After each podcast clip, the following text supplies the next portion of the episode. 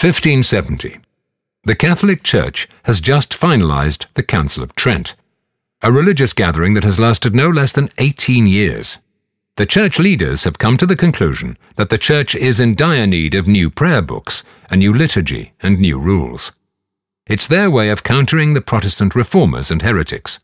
This book sums up all these new decisions in Latin, the only official language for liturgy. Plantin is the lucky publisher who is commissioned to print all the new liturgical books for the Netherlands and Spain. It truly is a mega market because with Spain also comes a large part of South America.